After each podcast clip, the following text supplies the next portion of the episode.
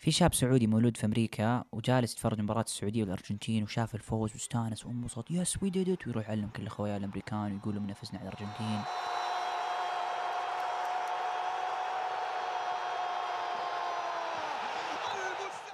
بنفس الوقت في شايب في مستشفى الملك فيصل التخصصي قاعد يتعالج من السرطان وقاعد ياخذ كيماوي الله يشفيه ويدخل عليه ولده ويقول له يبه السعودية فازت المنتخب فاز على الأرجنتين. ومبسوط يقوم الشايب ويستانس وينبسط.